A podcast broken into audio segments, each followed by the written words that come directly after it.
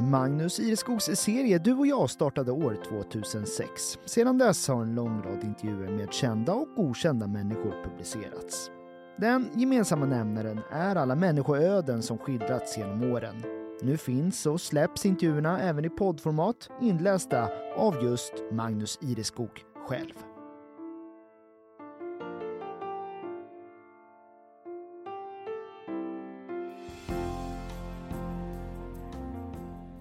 Andromeda Olivia har just jobbat sista dagen för terminen på Högbyskolan när vi ses för den här intervjun. Ett vikariat som resurs i en tredje klass för att stötta och vara till hjälp. Det har känts bra, tycker hen.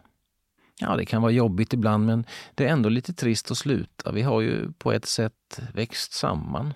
Kan hända reagerade du som lyssnar på ordet hen här nyligen.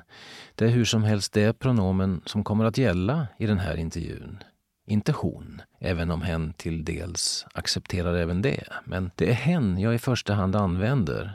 Det är så jag identifierar mig, säger Andromeda Olivia. Jag förstår att det kan vara lätt att säga fel, men för mig är hen det rätta. Vi ses för att prata om hur det är att identifiera sig som hbtqia plus-person på en liten plats som Gotland och för all del Etelhem, där hon bor. hbtqia plus står för homo, bi, trans, queer, intersexuell, asexuell och plustecknet för andra identiteter eller läggningar. Nyligen deltog Andromeda Olivia som identifierar sig som queer och icke-binär. Vi ska komma till det. I Prideparaden under gotländska Prideveckan. Stolt bar hen sitt Krossa fascismen-plakat. Men hbtqia plus är såklart inte isolerat kring Pride. Det är något att dagligen tvingas förhålla sig till för de som identifierar sig bland de många begrepp och könsuttryck som finns. Och även om Pride i grunden är av godo finns det olika sätt att se på regnbågsdagarna.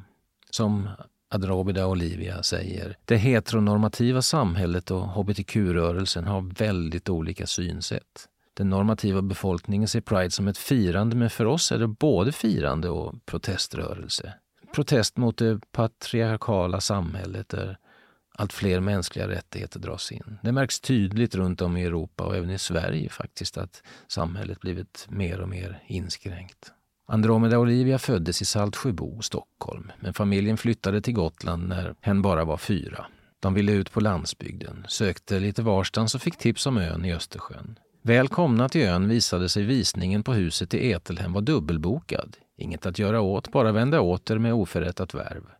Men ibland står stjärnorna verkligen rätt. Familjen lyckades missa båten och fick några timmar över i väntan på nästa avgång och plötsligt fanns då tid för den där visningen.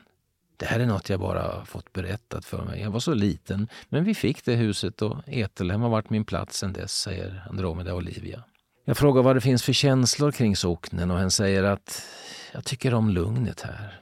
Jag trivs och har alltid trivts bra. Men jag gillar storstaden också. Jag har en del av släkten i Stockholm och har åkt dit mycket ända sedan jag fick åka båten själv. Men trots lugnet finns ett mått av stress. Inte den hetsiga springa till bussen-stressen som lätt står till i Stockholm, men en lågmäld och underliggande oro. Missar jag bussen, här tar det en timme till nästa i bästa fall. Jobb kräver ofta körkort. Det har jag inte råd med och hur ska jag då kunna ta mig? Det är mycket sånt som ligger och pyr. Men till hösten bär det iväg. Andromeda Olivia har alltid mått gott inom musiken.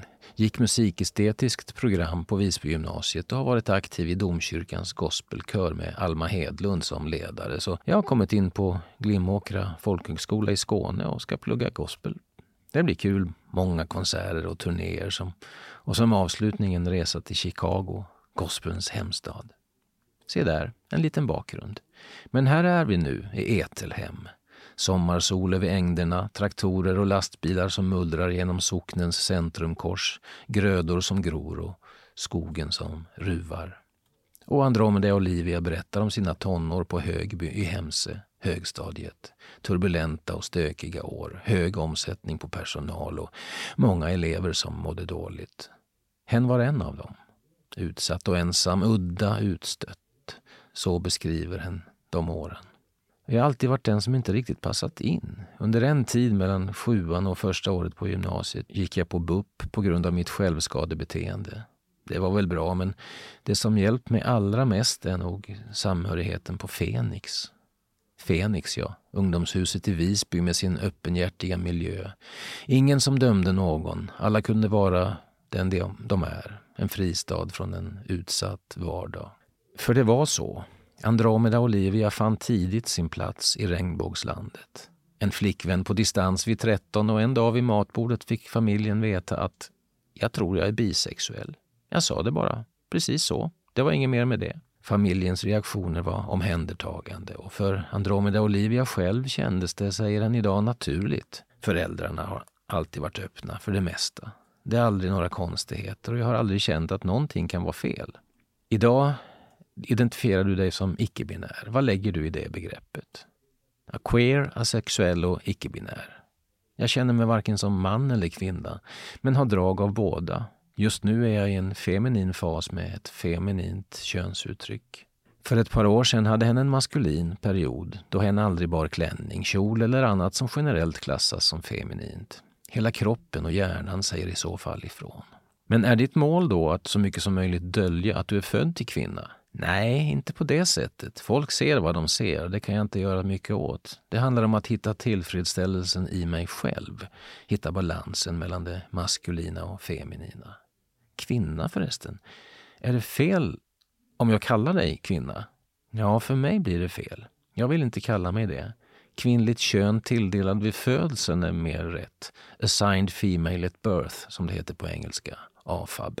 Så låt oss återvända till hur det är att växa upp och leva under regnbågsparaplyet i det gotländska samhället. Jo, det har kostat på, säger hen. Under högbytiden inte minst. Det har kastats böcker, skrattats, hånats. Uttryck av ignorans och ifrågasättande som följt med från tonåren till den unga vuxna.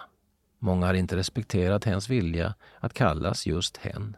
En del har i nutid heller inte respekterat namnet. Tilldelade tilltalsnamnet Olivia kändes inte helt bekvämt varför Andromeda inkluderades i fjol. Det känns mer som jag.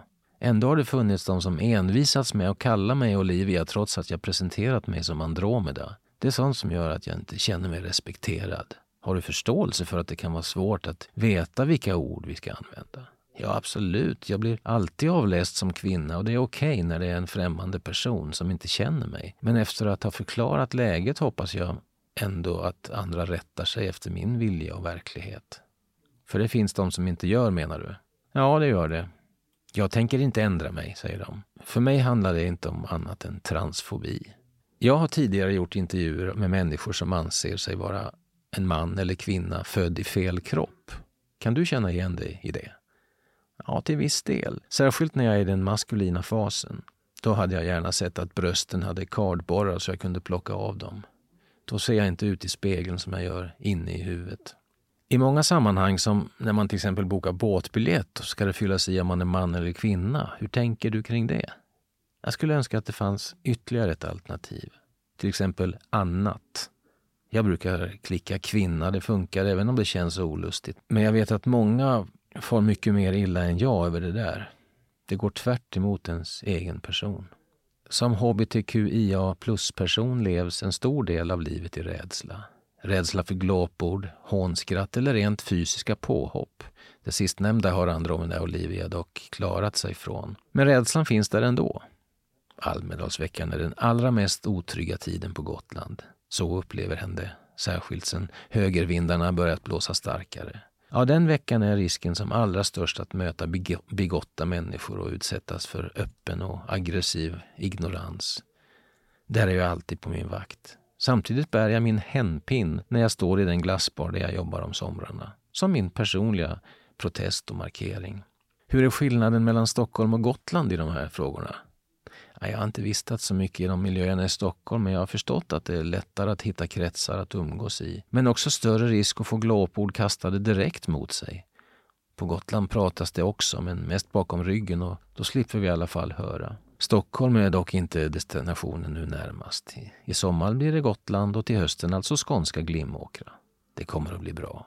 Och sen framåt. Ingen vet vad som väntar men jag vill nog inte bli lärare, men kanske fritidspedagog eller något liknande. Jobba med barn. Det kommer nog från min egen skoltid. Jag vill ge dem styrka att vara sig själva och våga visa sina känslor. Se där, en idé. Kanske blir det så, kanske blir det inte. Prideveckan på Gotland hölls i år 16-21 maj. 2012 arrangerades första gången det som då kallades Gotlands regnbågshelg, vilken därefter växte vad gäller deltagande arrangörer och antal programpunkter. Pride-rörelsen startade 1969 när hbtq-personer på klubben Stonewall Inn i New York fick nog av polisens upprepade trakasserier. Kravaller utbröt och kom att vara i flera dygn. Pride firas idag över hela världen. I Sverige hölls första Pride-liknande demonstrationerna två år efter Stonewall-upproret, alltså 1971. Då samlades föreningen Gay Power Club i Örebro. Ett femtontal personer under paroller som kunskap raserar fördomar, objektiv sexualundervisning och sexuell jämlikhet. Stockholm Pride är idag Nordens största Pridefestival. Den startade 1998 med syftet att synliggöra hbtq-frågor och skapa en frizon för homosexuella, bisexuella, trans och queerpersoner och de könsuttryck som finns inom hbtq-rörelsen. I år hålls Stockholm Pride 31 juli till 6 augusti. Ja, gillar du också Magnus Ireskogs intervjuserie Du och jag så finner du fler avsnitt på helagotland.se under poddar och program.